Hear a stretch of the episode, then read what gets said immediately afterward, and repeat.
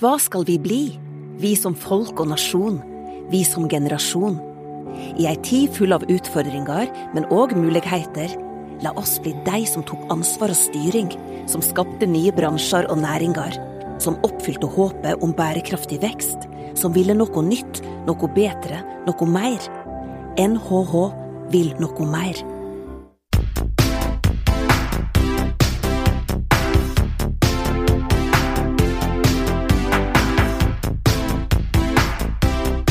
Velkommen til en ny episode av Ledertaffel, NHHs podkast om ledelse. I denne podkasten kaster vi et blikk på aktuelle tema innen organisasjon og ledelse. Vi diskuterer hva forskningen sier, og vi kommer med noen av våre tanker om hva ledere kan gjøre annerledes for å lykkes der de er. Mitt navn er Marius Jones, og jeg er ph.d.-stipendiat her ved Norges handelshøyskole. I denne episoden snakker vi om et rausere arbeidsliv, og vi har med oss Tonje Fyn, som er forsker ved Norse, og Lars Erik Lund, som er direktør i Veidekke. Vi snakker om hvordan arbeidsplassen vår kan bidra til bedre og dårligere psykisk helse. Hvem det er plass til og ikke plass til i norsk arbeidsliv. Om skam, og om karakterpress og arbeidspress. Velkommen til en ny episode av Ledertaffel.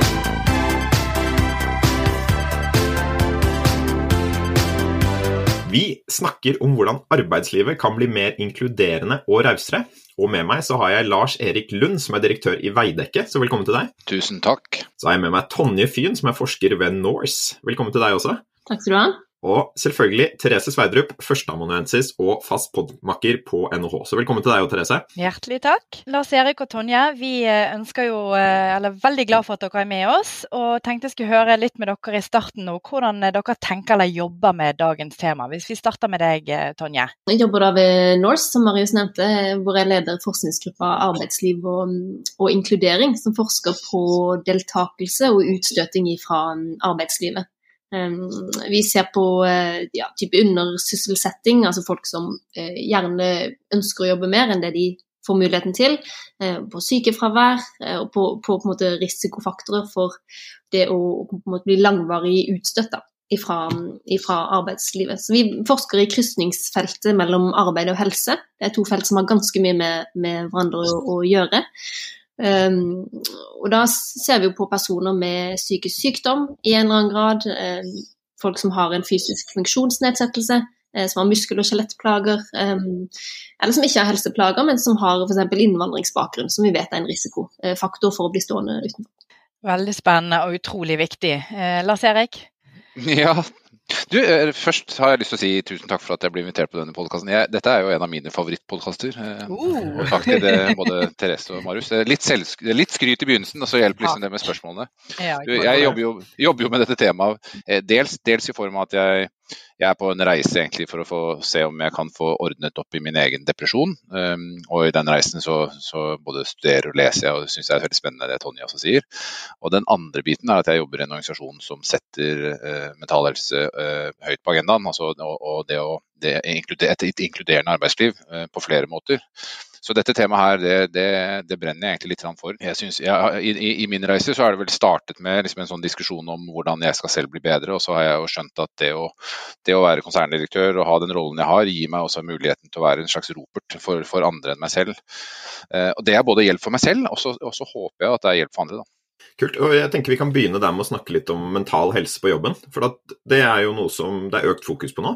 Og det har bl.a. du bidratt til, Lars, gjennom den kronikken du skrev i NRK Ytring, og det som har fulgt etter det. Og før så har det kanskje blitt sett på mer som et sånn privat anliggende. Egentlig noe som ikke angår på en måte verken arbeidsgiver eller kanskje rollen vi har på jobb. Um, men det snur litt, da. Men for å begynne litt der, da.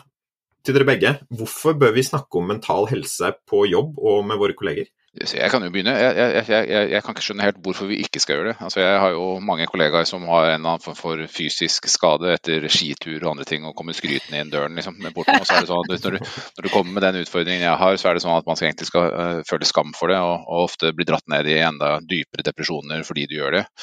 Så i min, i min enkle liksom, analyse så syns jeg liksom, at mennesker skal få lov til å komme sånn som de er, um, med de utfordringene jeg har. Så tror jeg, tror det finnes noen uh, konkurransemessige fortrinn med å gjøre det òg. Ehm, så jeg, jeg, er eh, altså jeg har kjent på det. Jeg hadde i går en samtale med en, med en, en kollega eller en venn i et, et, annet selskap som også har vært åpen om sin egen uh, utbrenthet. og Han sa det samme, at liksom, bare det å ha åpnet opp har gitt en helt ny perspektiv på, på ting. Og, og, I tillegg til det så, så er hans medarbeidere og mennesker rundt også gitt, gitt, et helt annet perspektiv på hvordan de omtaler og snakker med ham. Da. Jeg tror det er en nøkkel, det som Lars Erik sier der, med komme, komme som man er. Eh, sannheten er at de fleste, om, om, lag halvparten av oss i løpet av livet, vil eh, kvalifisere for en psykisk diagnose. Eh, og det er sånn vi er. Det er befolkningen sånn som den er. Eh, så det å ikke snakke om det, det gjør det til en elefant i, i eh, rommet. Og, og, alle har en mental helse, og den kan svinge opp og den kan svinge ned. Den kan være litt mer nede for noen, eller veldig langt nede for noen og, og høyt oppe for andre. Men, men, det er ingen grunn til å ikke snakke om det, som det Erik sier. Og, og, da er jo spørsmålet OK, dette bør vi snakke om, og hvorfor er det da så vanskelig? Så du sa, Lars Erik, det er litt sånn skambelagt. Det er OK å komme og skryte av den brukne foten fra alpinturen. Så, og det er jo nettopp derfor vi tar opp dette temaet. Vi merker at det er en mulighet nå i disse dager for at det settes fokus på at det er rom for det. Så, så hva er det som mangler, og hva må være på plass? Hva er det organisasjoner der ute må, må tenke på for å få gi rom? Ja, altså, det, det, er to spørsmål her. Det første spørsmålet var årsaken til at det var så skambelagt for å faktisk snakke om det. Og jeg har jo tenkt lenge hvorfor valgte jeg altså La meg si det sånn, både min kone og jeg har tenkt ganske mye på hvorfor valgte jeg å la det gå 25 år før jeg faktisk var åpen om det. Eh, og det, det har jo noe med at eh, jeg tror alle mennesker, og det, det er vel noe, noe, som er spesielt i menneskets natur, at vi søker tilhørighet til grupper. Altså vi ønsker å være inkludert. Um, og det å bære på en, eh, på en, depresjon eller en psykisk lidelse som har så mye stigma rundt seg, gjør jo at man egentlig oppfatter seg selv til å ikke Man blir simpelthen ikke akseptert, da, eller man ikke burde bli akseptert. Og det er jo sånn jeg også har tenkt hele tiden, at den, denne, denne, lidelsen jeg nå bærer på, den, den diskvalifiserer meg for, for tilhørighet. Eh, og, så, tenker jeg at det, og, og, så har jeg brukt ganske mye tid på å lage ulike former for skall da, for å unngå at jeg skal gjøre det. Det er den ene biten. Og så er det, altså, Når man først skjønner hvorfor man velger å liksom, behandle dette her, altså vi som har den formen for lidelser, i hvert fall så, så alvorlig som jeg har, hvorfor vi velger å holde det hemmelig. Når man skjønner det, så er det litt lettere å forstå hva er det bedriftene kan gjøre for å bidra med det. Og I går så var jeg en, et foredrag med en, med en, organisasjon og sa at der, de enkleste ting er jo én, faktisk stille spørsmål som er aktive, eh, hvor du må gi aktive svar, ikke typisk ja-nei-svar. Andre er å sette av nok tid til å høre på hva svaret er. Det er jo den feilen de fleste går i. Men jeg syns at vi som ledere må også skape arenaer der det er rom for å faktisk snakke om de, de utfordringene man sliter med. Og Det er utrolig vanskelig for medarbeidere hvis ikke sjefen også liksom har noen utfordringer. Og det er som Tonje sier, alle har det. Eh, så da må jo egentlig også sjefen vise en form for sårbarhet og vise at det, det ligger noen utfordringer i, i, enten i kjølvannet av en karriere eller eh, sånn som det er nå, som man må ta tak i. Jeg tror nok at, tror nok at um, mange har, har, nok også uh, en opplevelse av at det tar jeg ikke med, de problemene tar jeg ikke med inn i, på denne arenaen, som er jobb. Um, og, og, spesielt i sånn prestasjonsorienterte arbeidskulturer, så er det Du tar ikke med det som ikke fungerer. I prestasjonsorienterte kulturer så, så er det fokus på det som fungerer.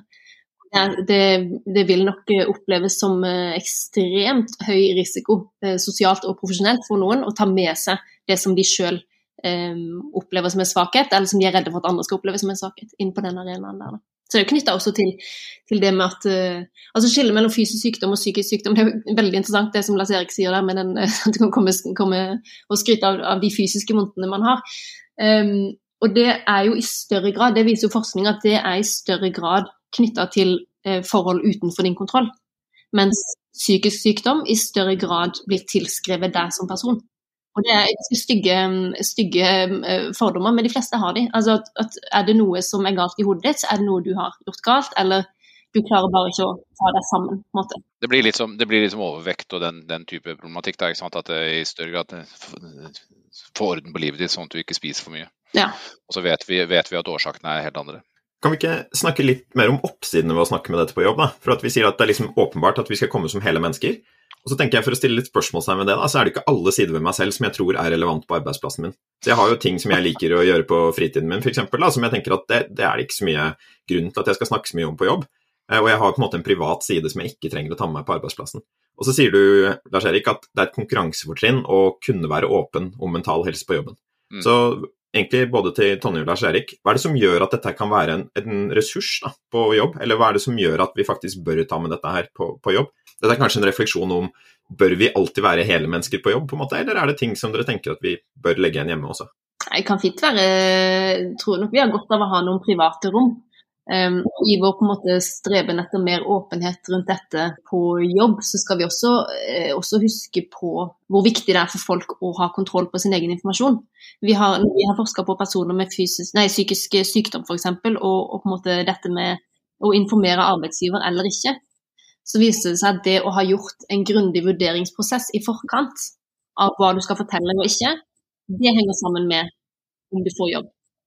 Men det å være åpen i seg sjøl Altså det å være åpen, um, eller ikke i seg sjøl, det, det, finner jeg ikke sammenheng med. Men det å ha en, gjort en grundig prosess i forkant, systematisk prosess i forkant, hvor du gjør vurderinger fram og tilbake, hva, eh, hva, ønsker jeg å dele, hva ønsker jeg ikke å dele, det henger sammen med det å få jobb. Så det, det sier jo litt om på en måte den, eh, vi må ha en individuell tilnærming til dette, og kanskje er det det, eh, kanskje er det også en liten nøkkel her, da, at folk, eh, folk trenger kanskje også litt eh, hjelp eller veiledning i hvordan ja, navigere den informasjonen min, da.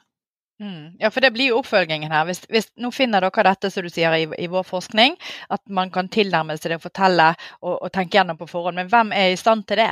Sant? Når man sitter med, med, psykisk sykdom. Det er jo en utrolig stor jobb å finne gode resonnementer for og imot osv. Og, og, og hva er den hjelpen man i så fall trenger og hvor skal den komme fra? Ja, så er det, det er forskjell på disse tingene, tror jeg. Så jeg, jeg, tror Noen av disse diskusjonene om åpenhet og ikke-åpenhet dreier seg jo ikke om om man er åpen liksom, i media eller på en eller annen måte liksom, sprer dette til hele verden, men i større grad å si noe om at uh, dette er den måten jeg fungerer på, dette er de tingene jeg står overfor. Så er det jo ikke sånn, Jeg er heller ikke, jeg har masse privatting jeg ikke deler. Altså, det er ikke sånn at jeg liksom er en åpen bok.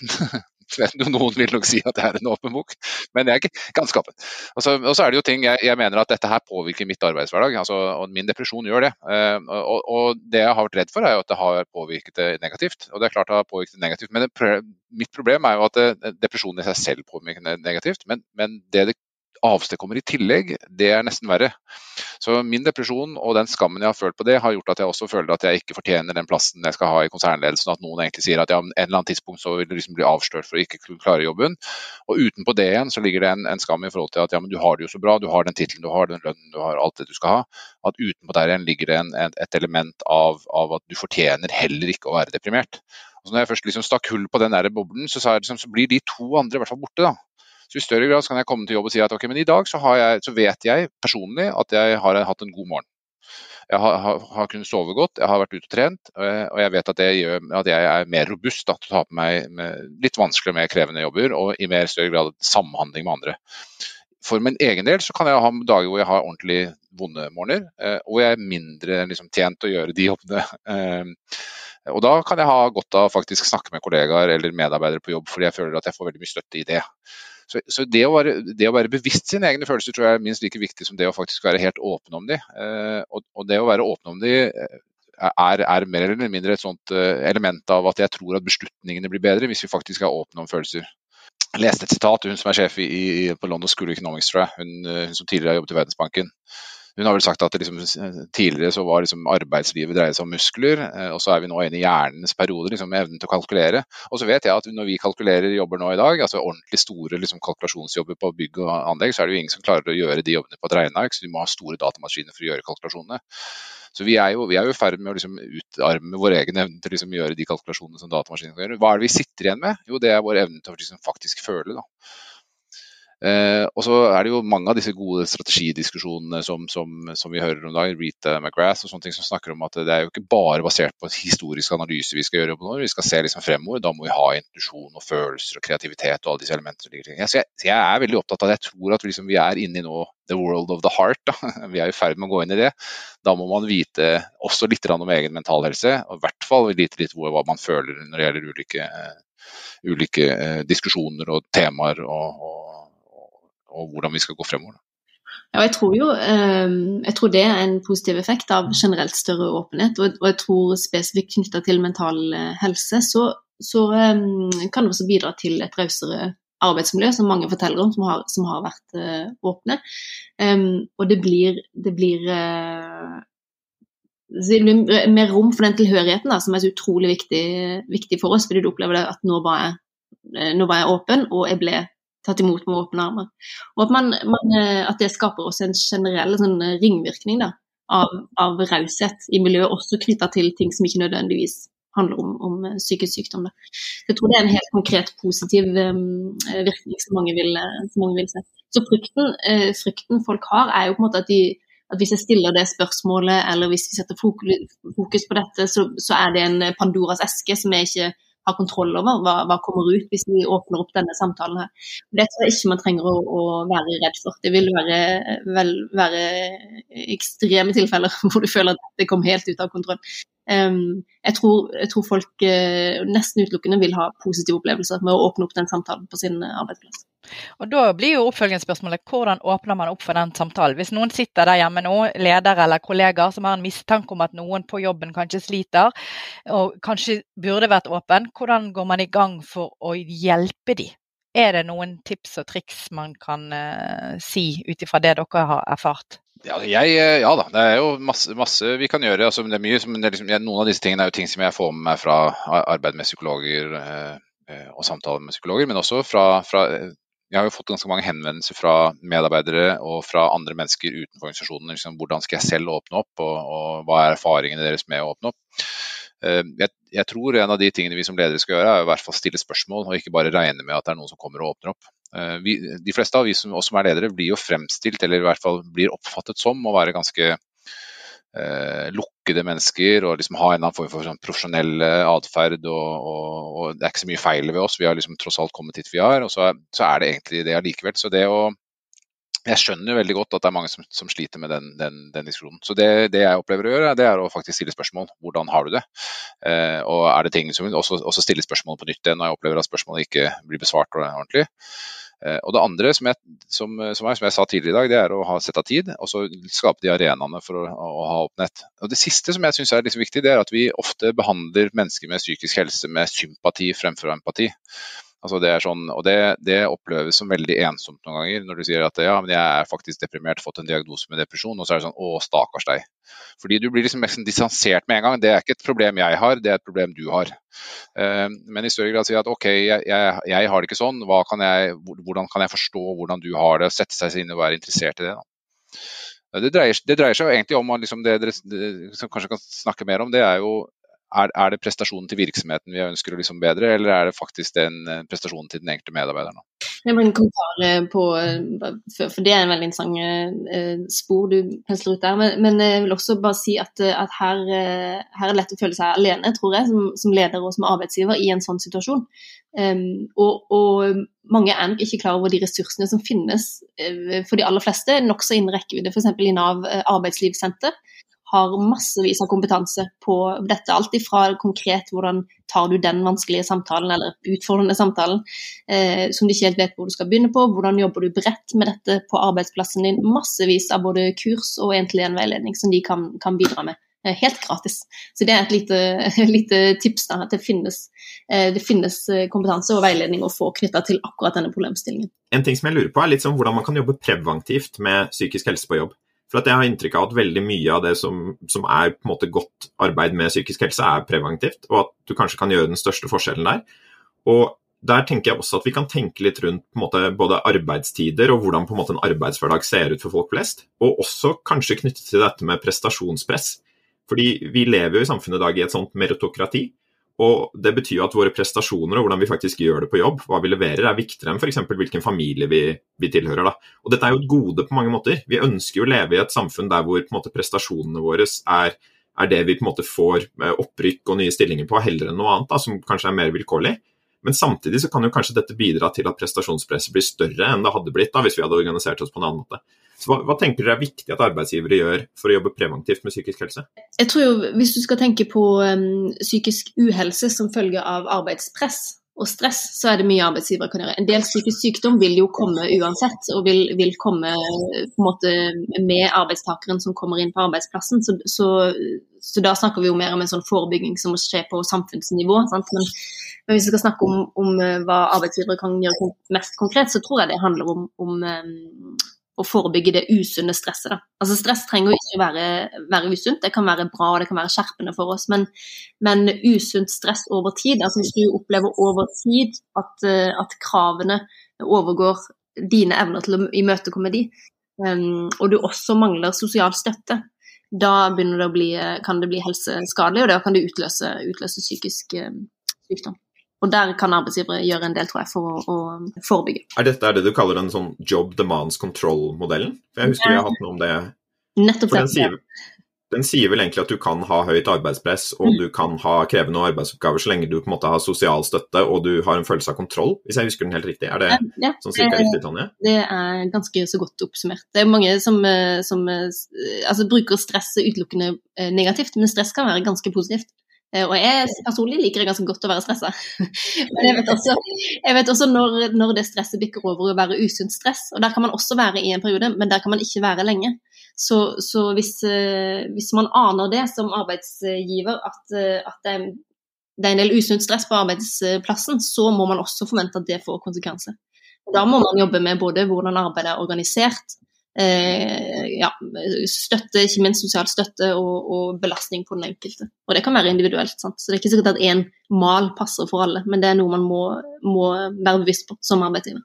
Vi er vel ganske sikre på at én mal ikke passer alle, tror jeg. Eh, Det er 8100 individer i Veidekke, og det er, liksom, det er, definitivt ikke sånn at én mal passer alle. Og så er det, det, er, det er litt interessant det dere, dere sier, for det er, jo, den diskusjonen som, som fort kom opp når jeg var oppnådd med egen depresjon, var jo at eh, virksomheter har blitt ganske flinke til å ivareta mennesker som har falt utenfor, eller som har altså, har typiske mentale lidelser når de kommer inn. Det er vi, det er vi blitt gode på. Men, men spørsmålet liksom, som dere stiller nå, som jeg tror kanskje er enda mer interessert, hvordan skaper vi godt øh, øh, psykisk helse i arbeidslivet? Ikke, ikke bare lager dårlig.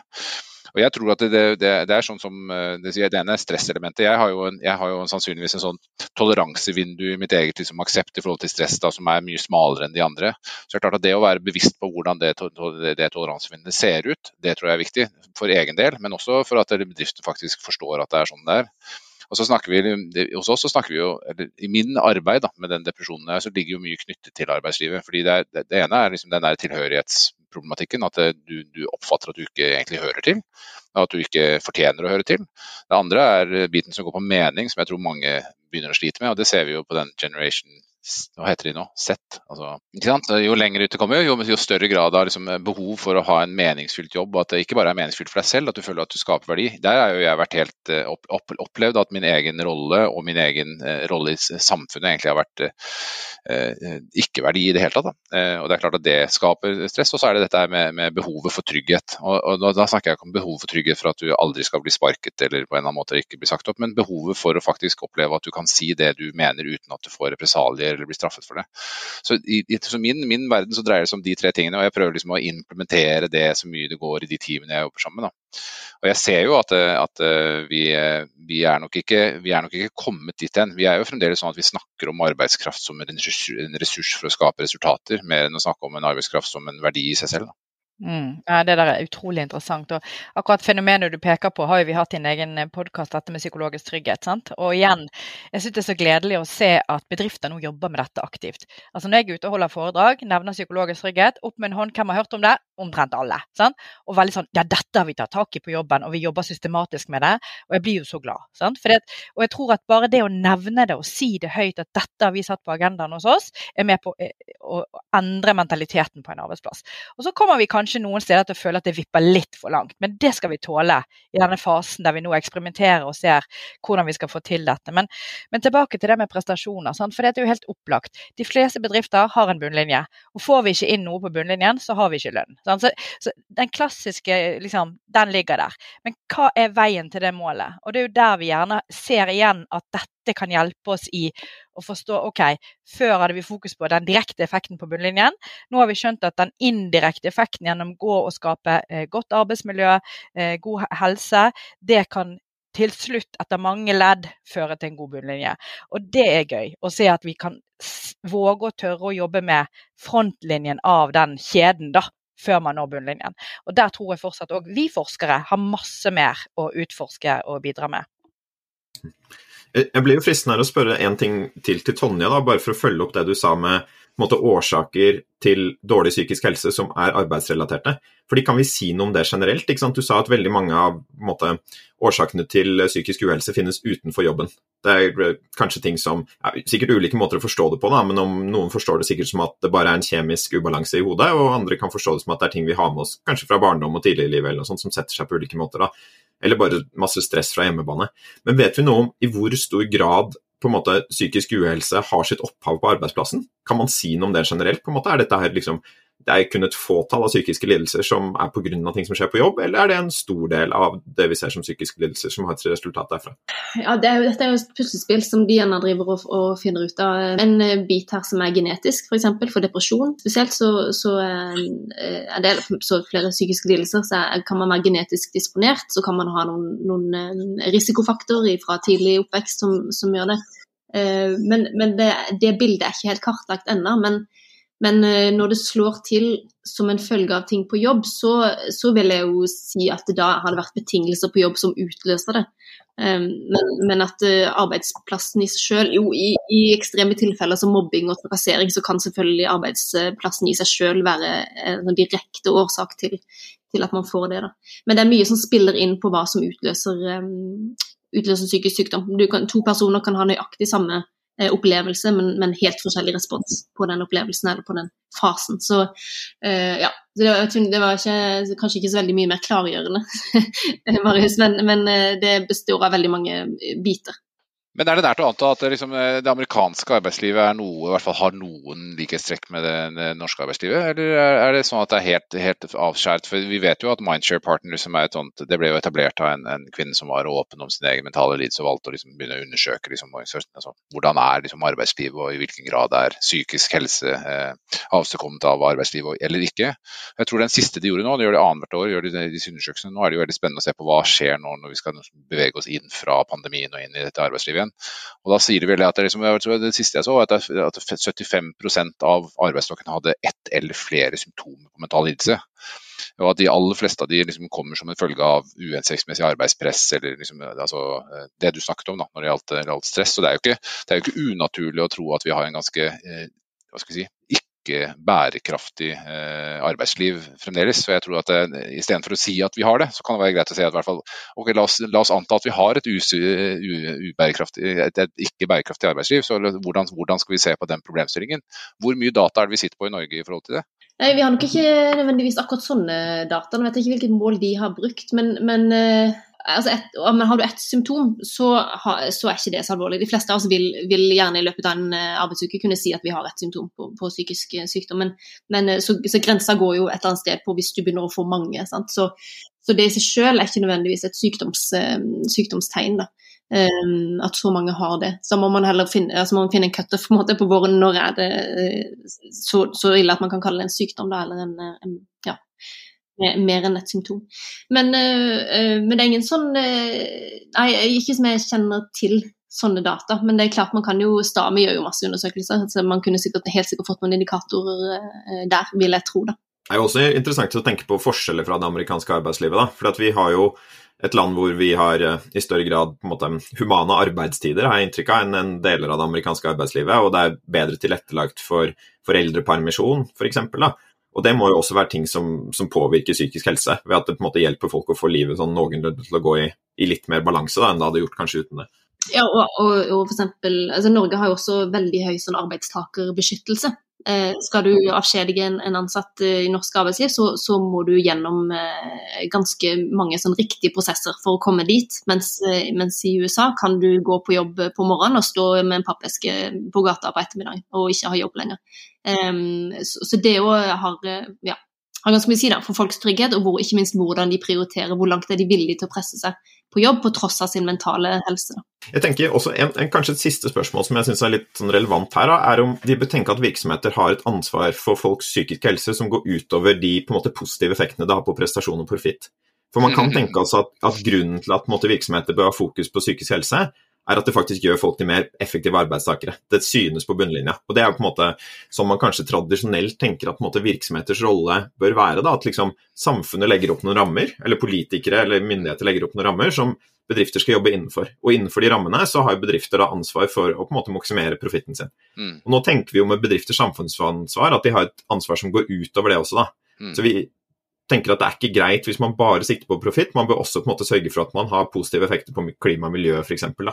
Og bør vi også tenke at bedrifter på en måte har et ansvar for de ansattes psykiske helse som går utover dette her som har med prestasjon og profitt å gjøre. Og jeg tenker at det er ikke noen naturlov som sier at, på en måte, at virksomheter først og fremst er ansvarlig for å gi avkastning til virksomhetens eiere. på en måte. Vi kan jo tenke at virksomheter i stor grad også er til for sine ansatte. Så Stort spørsmål da, om hva, hva, er det bedrifters rolle egentlig bør være, da, men er det noen av dere som har noen refleksjoner? Ja, altså Arbeidsmiljøloven setter jo det som et mål i seg selv. Altså, arbeidsmiljøloven sier at arbeidsgiver har ansvar for et fullt forsvarlig um, arbeidsmiljø, også med tanke på, på psykiske um, aspekter. Så den sier jo nokså tydelig at det har, det har arbeidsgiver, um, uten at det settes i, i sammenheng med med profitt eller med bunnlinje. Men hvorvidt det er en oppfatning som lever der ute, det kanskje Lars Erik svarer bedre på. Nei, men altså, vi, er jo, vi er jo opplært. altså ja, nå er vel Noen av oss har vel gått på handelsskolen, tror jeg. Eh, og vi er vel opplært til at liksom, dette shareholder primacy-diskusjonen liksom har levd siden 70-tallet. Det som jeg syns er gledelig, da, shout-out til, til, til, til, til Lars Jakob og Sveinung eh, ved Handelshøyskolen også for å liksom introdusere meg til den forfatteren. Men det er Alex Edmans fra, fra London School of Business som jeg mener liksom har skrevet en veldig, veldig fin bok som heter Grow the Pie. Adresserer jo akkurat den problemstillingen. Jeg tror at vi har kommet, vi har kommet lenger enn at vi tenker at liksom all virksomhet er til for kunden for å liksom skape mer profitt. Vi er nødt til å se dette her som et i større grad av et, et interessentbilde. Da. Og da er det klart at de, En del av de positive eksternalitetene vi skaper gjennom, gjennom, å drive virksomheter sånn som vi gjør nå, er jo bl.a. Et, et, et, et verdig arbeidsliv. Eh, det å faktisk vite at du har en verdi i form av å skape verdi for samfunnet gjennom å, å, å jobbe i en bedrift. Så jeg, jeg, mener det er helt åpenbart at virksomheter har ansvar for, i det minste, å, å ikke skape psykiske utfordringer hos medarbeidere gjennom, gjennom stress og liksom, eh, økt grad av målstyring eller veldig sånn prestasjonskultur. Eh, og nummer to, aller helst, da, lage bedrifter som faktisk gjør at mennesker kommer hjem med en bedre psykisk helse når de gikk inn. Og det er, ikke, det, er ikke, det er, jo ikke hokus pokus å få det til, eh, men det har noe med at man må jobbe liksom, nitidig med det. Og Når vi snakker liksom, dette det psykologisk trygghet-elementet, så er jo min frustrasjon rundt det temaet, da, for å lage det også, for å snakke om det temaet, det er at det at bedrifter i dag går rundt og snakker om, om psyko, altså psykologisk trygghet eller, eller, growth mindset som om det er tiltak man skal gjennomføre, mens det er en tilstand man skal prøve å oppnå. Og så vet man ikke helt hvilke tiltak man faktisk bidrar med for å få det til, og de er ikke så vanskelig. Eh, men det krever litt, og det krever at faktisk det, det norsk næringsliv da, og de menneskene som er eh, i min alder og oppover, evner å begynne å se at jobben til en virksomhet er ikke primært å skape resultater, det er et outcome av at vi faktisk skaper gode arbeidsplasser. Og Vi har jo hatt inne på, på podkasten tidligere representanter fra, fra, Miles, som er jo et sånt IT-konsulentselskap vi har fulgt i veldig mange år. Jeg husker jo tilbake til 2011 når jeg gikk inn på nettsiden. Vi skal skape en fremragende arbeidsplass. Det er det eneste vi vil. for vi vet vet at det er godt for kundene, vi vet at det er godt for våre medarbeidere. Og, og that's it. sant? Og den gangen var det litt sånn what? Tenkt, hvor ble kunden av her? sant? Og verdien er varme og faglig autoritet. Og det å liksom, Nå er ikke det så unikt lenger, men den gangen var det unikt. Og det har vært veldig spennende å følge de eh, på, på, akkurat den reisen. da. Og så har dere hatt en kjempepodkast med Anders Mæland. Altså, ja. mm, mm. Og lenge leve eh, Nicolai Tangen. Jeg syns det er kjempegøy at han er så åpen og, og inkluderende. Også at han faktisk velger å, å, å ansette mennesker som Anders Mæland. Det, det, var en av de episodene jeg likte eh, aller best. Og, og, og bakgrunnen for det er liksom litt at, at akkurat det temaet. Hva er intensjonen bak å ansette Anders Mæland? Er intensjonen faktisk å skape høyere lønnsomhet, eller er intensjonen at den enkelte medarbeider skal, skal føle at de får det potensialet ut av det som de føler at de kan gjøre? Da. Og jeg synes jo han også hadde en del interessante refleksjoner som vi ikke dykket nok inn i, tror jeg da. Som handlet jo mer på en måte med dette at basalbehovene er grunnlag for på en måte prestasjoner. Så Han sa jo det i sin sånn femstegsmodell. Hvor begynner han? da, Så er det jo på en måte å se er du overstressa, har du altfor mye skjermtid, det, er, får du ikke søvn, liksom? Og Hvis du ikke har det på en måte fundamentet på plass, da, så blir det ikke noen prestasjoner ut av det. Så jeg syns han tegnet et bilde av at det trenger ikke å være en motsetning mellom prestasjoner og på en måte psykisk helse, da, men at de går ofte veldig hånd i hånd. Kanskje ikke perfekt, men, men ofte så gjør de jo det. Så det er jo spennende hvis vi på en måte kan integrere det i sånn prestasjonsarbeid. Jeg syns også det. Synes det, det, det, var derfor jeg syns det var så spennende. at jeg, for jeg, liksom, jeg hadde lest alle medieoppslagene om at ja, nå skal, nå skal liksom vi satse på høyere avkastning, og det skal vi gjøre gjennom å ha liksom en, en, en mentaltrener. Og så ble det sånn ok, men det er for flatt. Og så, så kom den podkasten, og den var så fin å høre på han, hvor han, han ga gullmedaljer til hverdagsmenneskene. Og, ja, var, jeg, jeg, hadde mye glede av det. Helt enig. Kunne gjerne snakket lenger med han.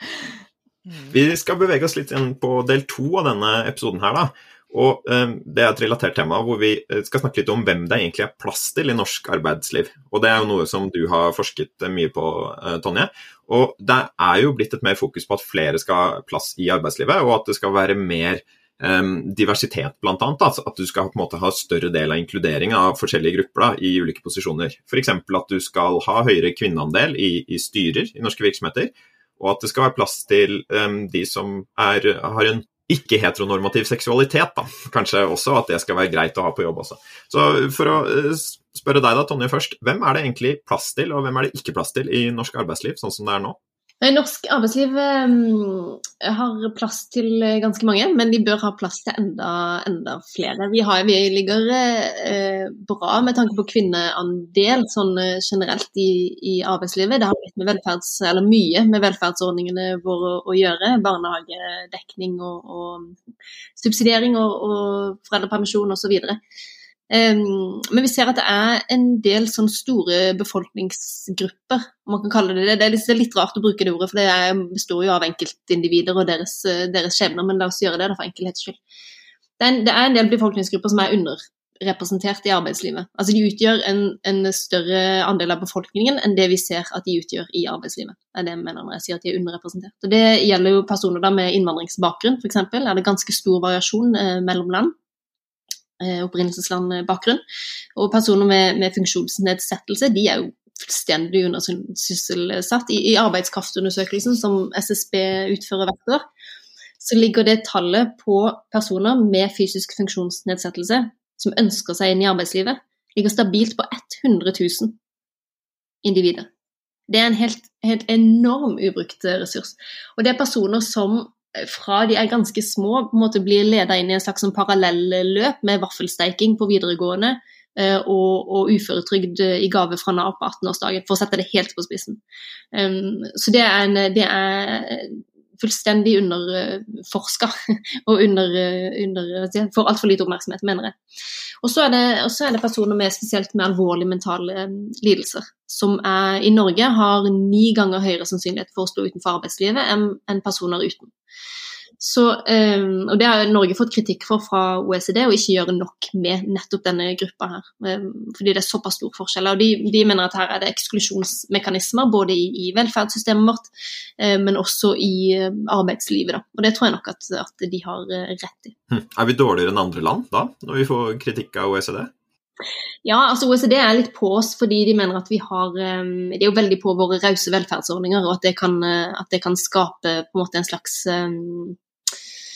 ja, at folk f.eks. med uføretrygd, at unge personer får uføretrygd fremfor å få målretta oppfølging inn i, både i behandlingssystem og, og fra Nav da, for å komme inn i, i arbeidslivet. Altså at, at, eh, selv om vi har et veldig godt velferdssystem på veldig mange måter, så, så står det ikke helt uh, i stil med hva vi får ut av det, med tanke på arbeidslinja.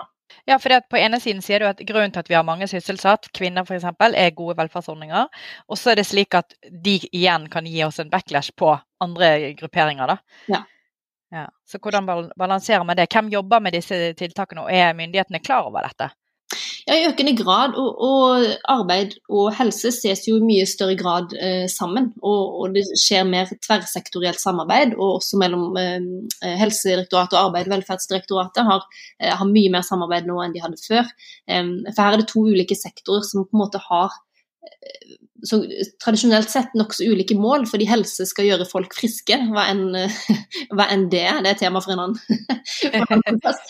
eh, mens, ah, mens, velferdssektoren skal få folk i, i arbeid og, og, så lite som mulig på trygd. Så, eh, og så har man tenkt at dette ikke går helt i hop, men det gjør det jo eh, absolutt. Rett og slett fordi arbeidsdeltakelse er helsefremmende for de aller, aller fleste. Eh, og da må man tenke disse to tankene som et parallelløp, altså må tenke behandling um, og arbeidsrehabilitering sammen, og ikke at du skal først være i behandling og bli så og så frisk før du kan eh, begynne på, på et jobbsøk. Da. For eksempel, det er et eksempel på hvordan eh, tankesettet er i ferd med å endre seg rundt disse tingene. La oss eh, snakke litt om hva det vil si å være frisk, da, uten at det skal på en måte ta over den podkasten. Et sånt begrep da, som jeg syns er spennende når vi snakker om diversitet, er det som heter nevrodiversitet. Og da snakker man om personer som er psykisk annerledes enn andre. Og ofte så refererer det til folk som har uh, autismespekterforstyrrelser, um, Aspergers. Det, det, er ulike måter man kan se på det på. Der kan man se på det som en, en, en, en slags sykdom, men man kan også se på det som en annerledeshet som kan være en ressurs for oss i samfunnet. Og jeg vet bl.a. at Elon Musk har jo stått frem og sagt at han har eh, autisme. Og at det kanskje kan være en av grunnene til at han har på en måte fått til det han har fått til i arbeidslivet da, som sjef for Tesla. Eh, så jeg lurer litt på, Tonje, Er det en gruppe som vi har fokus på å inkludere i arbeidslivet, eller bruke som ressurser? Eller tenker du at disse ofte blir plassert på, eller er blant disse her som får på en måte eh, Nav-trygd i 18-årsgave? Ja, noen eh, jeg, jeg, tror at eh, mange fremdeles gjør det. Jeg tror slagsida vår er, er, på den sida der, at de ikke ses på som, som, ressurser. Men du ser jo helt klare tegn også i Norge på at det, det begynner å endre seg med, med eh, selskaper store og små som, som, nærmest spesialiserer seg på å ansette fra denne gruppa. Da. For eksempel, eller om det var Telenor, eller da, som hadde på en, måte en avdeling, en underavdeling, som feilsøkingsavdeling, som utelukkende besto av personer med, med Aspergers. Ekstremt effektive og dyktige eh, til å jobbe med akkurat det. Eh, og så er det jo klart, skal du ha Det reiser jo noen andre spørsmål knytta til om du skal ha ja, Kan du ha det som et uh, kriterium, at man skal ha en diagnose, bestemt diagnose å komme inn? men, men, fokuset på uh, ressursene og hva man kan bringe til torgs, tror jeg er ekstremt viktig. Man, man ser likheter også knytta til dette med um, gamere. da? Unge som har sittet og spilt PlayStation fra de var 15 til de var 23 og så tar de steg utenfor døra hjemme og, og, skal prøve å komme inn i arbeidslivet. Det har tradisjonelt blitt sett på som en nokså håpløs gjeng. Men, men, nå merker vi en forandring i hvordan f.eks. Nav eh, snakker om disse unge. Og sier men de har faktisk ikke vært uten utvikling disse årene her. De har lært seg en masse greier. De har en, en sånn intuitiv forståelse av, av, hvordan samhandling foregår, hvor teknologien er på vei, som, som de fleste av oss er helt ukjent. Det må vi ta tak i så må vi finne lommer for de i arbeidslivet, hvor de kan fungere godt. Så, så den tanke, ressurstankegangen brer, eh, brer, om seg. Jeg syns Nav er blitt veldig gode eh, siste årene på å tenke sånn. Er dette noe du ser hos dere, Lars Erik, eller noen tanker du får når vi snakker om på en måte ulike typer diversitet på en måte, og dens plass i arbeidslivet? Ja, altså neuromangfold er jo et tema som eh, vi syns er interessant. Altså, det er jo, altså, nå, er, nå, er, jo ikke det bare Asperger, det, jo, det omfatter jo også ADHD og, og bipolare lidelser. altså type lidelser som er som konstant over tid. Da. Mens depresjon er jo en, sånn, en, en eh, situasjonsbetinget eller en bestemt liksom, avgrenset periode.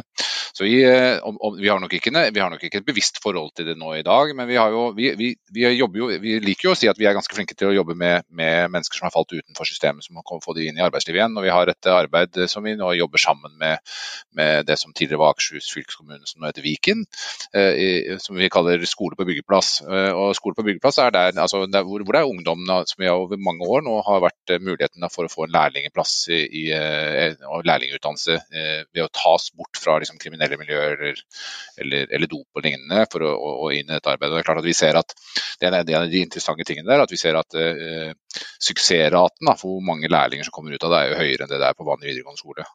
Nå er det klart at de er sikkert, og Vi følges jo ordentlig opp også, men, det, men jeg, jeg synes jo det, jeg er veldig veldig stolt av at Veidekke har, har utdannet flere hundre eh, lærlinger på, det, på den måten.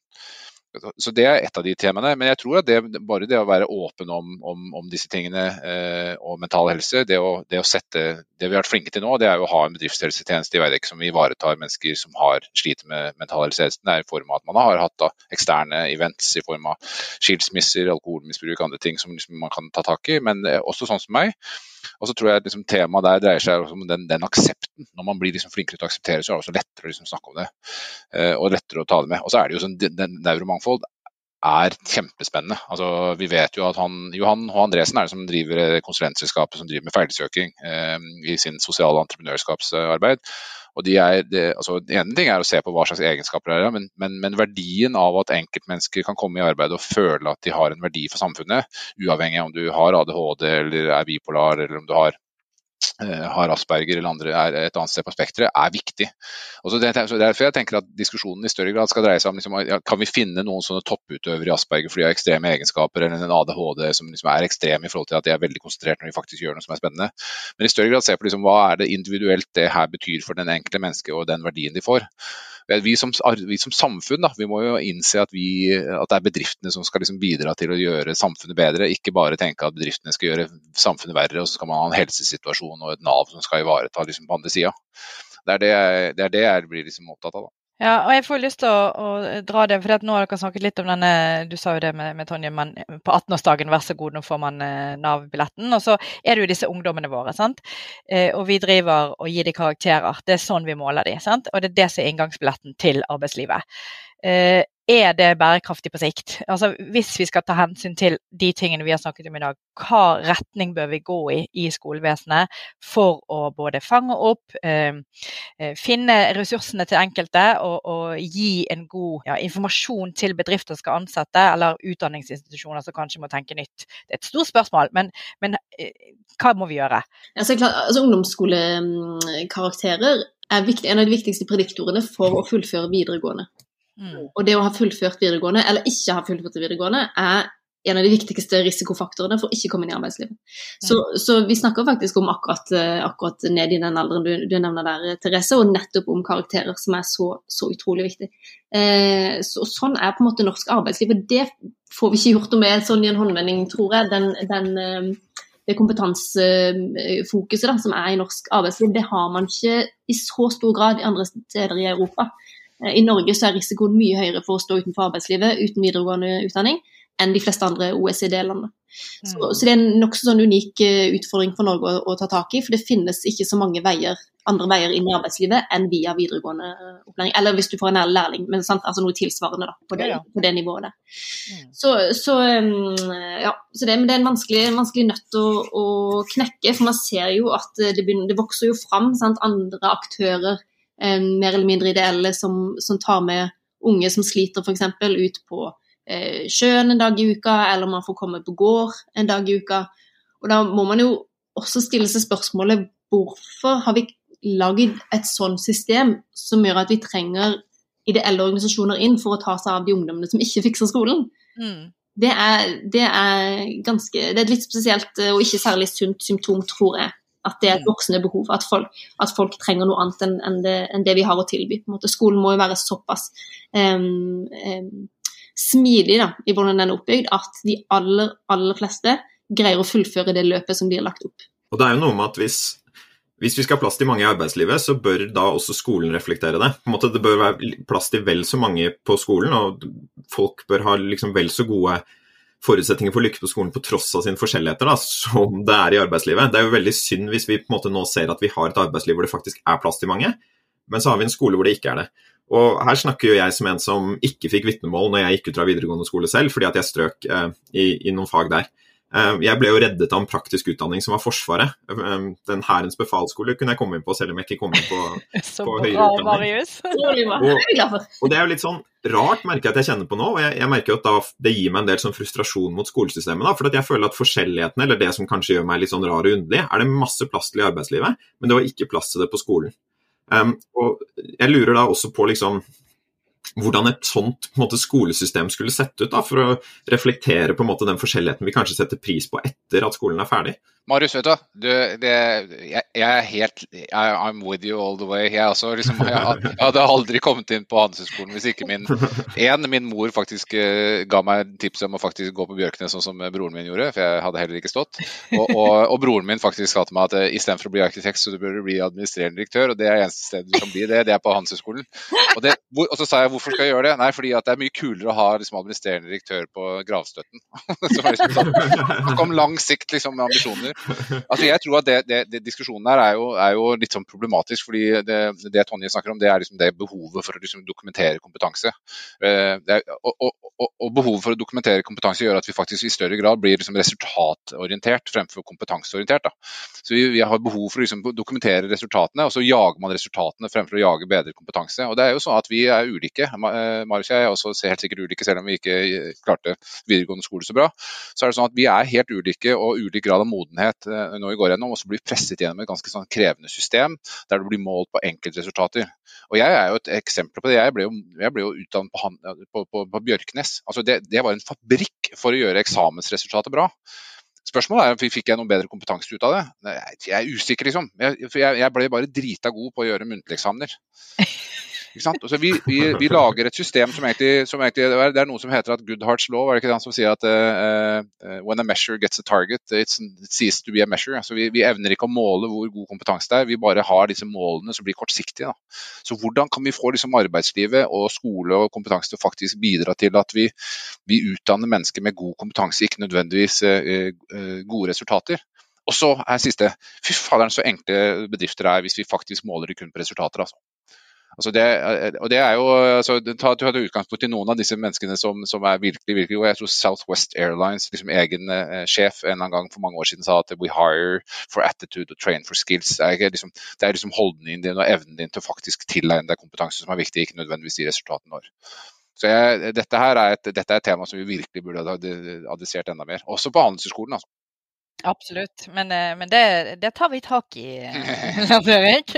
Men, og det er jo nettopp det. altså Jeg husker jo en gang jeg sto i klasserommet før jeg gikk inn som prorektor den gangen. Jeg skal avskaffe karakterer på NHH, sa jeg. Mm. og så lo de av meg. men, men, eh, litt flåsete sagt, men jeg mener jo det egentlig. sant? Fordi at jeg vil at folk skal ha fokus på læring, eh, hva kompetanse de tilegner seg, og jeg er veldig opptatt av som du bruker skills, eller liksom ferdigheter. Og, og, du oppsummerte det veldig fint i sted òg, eh, Lars Erik, når du sa at vi, vi, har gått fra muskler til hjerne, men nå trenger ikke vi hjernen lenger, for det har vi datamaskinene. Men vi trenger samhandlingskapasitetene. Mm. Det er det vi egentlig står igjen med, sånn basic. Og så husker jeg hvem som sa det òg. Å, oh, ikke sant? Ja, ikke sant? Det er Minouche Shafik, heter hun. oi, oi, oi. oi. Ja, ja, ja. ja, det er god hukommelse her, altså. Google, altså. Google, ja. ja. Et, et sånt siste spørsmål også på dette med inkluderingen. Er det noen vi tenker ikke bør jobbe? Fordi vi snakker om å inkludere flere og flere i arbeidslivet her. Og så kan jo det også bli et press og en byrde for de som kanskje ikke trenger det, men som trengs å bli tatt vare på. Mm. Så Har du noen tanker der Tonje, om, om, hvor går grensen for hvem vi bør søke å inkludere i arbeidslivet? Altså først og fremst, altså Vi har kommet utrolig langt hvis vi hadde klart å inkludere de som vil. Det er så mange som vil, men som ikke får en vei inn. Så der, jeg tenker det er der man må begynne. For du kommer ingen vei med folk som ikke, som ikke vil, eller som er oppslukt av, av andre eh, problemer som begrenser en. Um, det tenker jeg kanskje er det første stedet man, man bør gå. Da. Vi gjorde nylig en studie blant unge uføre. Altså folk som har fått blitt uføre eh, når de var under 30 år. Da.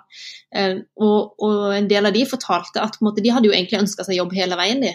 Men men de så ikke de mulighetene. De så bare ikke for seg hvordan det skulle gå da for fire år siden eller tre år siden, eller når de fikk den uføretrygden. Men så går det noen år, og så endrer ting seg, og så, og så kjenner de at nei, vet du, jeg kunne godt tenke meg å prøve en 40 %-stilling et eller annet sted. Eh, men da, da, er veien så himla lang for å komme tilbake. Da. Så jeg tror vi må også ha litt sånn eh, perspektiv på, på, eh, på det som er litt sånn dynamisk. Altså noen, For noen som på et tidspunkt svarer det helt uaktuelt for meg å jobbe, det kan endre seg om noen år, og da må den hjelpen være tilgjengelig, sånn at veien inn i arbeidslivet blir kort. Ja, La oss eh, gå inn for landing. Og jeg må jo først få lov å si at i dag er et litt trist øyeblikk for meg som eh, med-postcast-host for eh, Ledertaffel, fordi at dette er Marius sin siste episode. Vi skal ønske han lykke til videre på veien ut av doktorgraden og NHH. Og heldigvis skal jeg fortsette samarbeidet han, men jeg må jo få takke først og fremst Marius for det fantastiske samarbeidet som vi har hatt, vil jeg si. Og jeg vet at du heier på oss videre i Ledertaffel, og så kommer du sikkert med en ny podkast som slår oss ned i støvlene. det kjenner jeg. Så det vil jeg først få lov å si. Men så vil jo jeg at dere andre skal få lov å avslutte litt med Ok, Hvis vi skal runde av her, hva kan ledere gjøre for å skape en eh, rausere arbeidsplass? Har dere noen konkrete forslag? Tre eh, hver, f.eks. Ja, jeg kan eh, godt begynne, jeg. Eh, ja, nei, jeg, jeg, En rausere arbeidsplass. Eh, vær tro til deg selv og sørg for at du kan komme som leder går, er autentisk på jobben. En, en, toppleder som sa her om dagen at det er viktig at din identitet liksom er ganske nært opp til den rollen du faktisk spiller på jobb. Eh, og Det syns jeg var veldig godt sagt. Og så sa han i samme åndedrag sa han, og er det viktig at ikke liksom, identiteten er mer knyttet til konsernsjefjobben enn det det faktisk er til deg, fordi da blir du redd for å ta de gode beslutningene. Det var det han sa. Og det, og det tror jeg er viktig. Og så nummer to tror jeg det er viktig å være åpen for, for, de, for de, innspillene du får i, i, din egen organisasjon. Snakk med mennesker, vær, vær aktivt lyttende og vær, vær, empatisk i forhold til det. Men sist, men ikke minst, jeg er veldig opptatt av skap, skap arenaer der det er rom for åpenhet. Altså. Det tror jeg er et av de viktigste temaene. Ja, det er ikke helt uh, ulikt, Lars Erik sier nå, men, uh, men, jeg tenker å være et godt eksempel som leder, først og fremst. Vise at, at det eh, Her er det rom for å snakke om disse tingene. Det tror jeg er helt essensielt at ledere går foran som godt eksempel. Eh, og så er det ganske lett å skaffe seg sånn helt basic kunnskap om disse tingene. Eh, Psykologforeningen f.eks. Du kan gå inn der og, og, få på en halvtime så kan du ha lest deg opp på bare helt sånn enkle eh, ting på de mest eh, dominerende sykdommene, og det er angst og depresjon. Eh, og russelidelse. Så, så, eh, det skal ikke så veldig mye til før du går fra å tenke at du kan ingenting om dette, til å, å tenke at ok, det ok, her er de store linjene knytta til dette. Og det handler også, tenker jeg, med, med, å øke kunnskap og kompetanse, handler også om å benytte seg av ressursene som er tilgjengelige, bl.a. arbeidslivssenteret til Nav. Um, så det er det andre tenker. Og, og så tenker jeg det tredje at man må ikke være redd for å stille direkte spørsmål. Hvis du stiller et rette spørsmål til noen, så kan de velge å si Eh, nei, dette går fint, eller nei, det er egentlig ikke noe jeg har lyst til å snakke om. Men da har du gitt dem muligheten. Hvis du ikke stiller spørsmål, så, så har du ikke rakt ut den hånda. Og da er det veldig uh, høy terskel for de kanskje å, å åpne, åpne, den samtalen. Tusen takk. Veldig fint å avslutte med 'rekke ut en hånd'. Det vil jeg absolutt si. Og vi kan helt sikkert legge de linkene til uh, det du har anbefalt nå inn i når vi slipper podkasten, Marius. Kan vi ikke det? Jo, det kan vi. Så send oss gjerne det hvis det er, mm. Hvis det er noen sånne lenker som skal ut. Og takk for forslag, og takk for deltakelse. Jeg syns jo dette er jo litt sånn en vemodig dag for meg også, da, med siste episode. Men jeg syns jo dette var en fantastisk da, finale for mitt bidrag da, inn i Ledertaffel. Så tusen takk, Tonje og Lars Erik. Tusen takk for invitasjonen, og godt jobba, Marius, med denne podkasten. ja, tusen takk for invitasjonen. Ja. Og tusen takk, Therese, for at du var med nå og alle de andre episodene. og for å lage et raust prosjekt her, her syns jeg. da. Dette har jeg hatt stor glede av, og jeg gleder meg til å følge Ledertaffel fortsatt som lytter da på andre siden. Ja, så stay tuned. Det blir mer Ledertaffel i 2022, folkens. Og det blir spennende å se hvem som blir min medprogramleder, men vi har en god plan for det. God jul!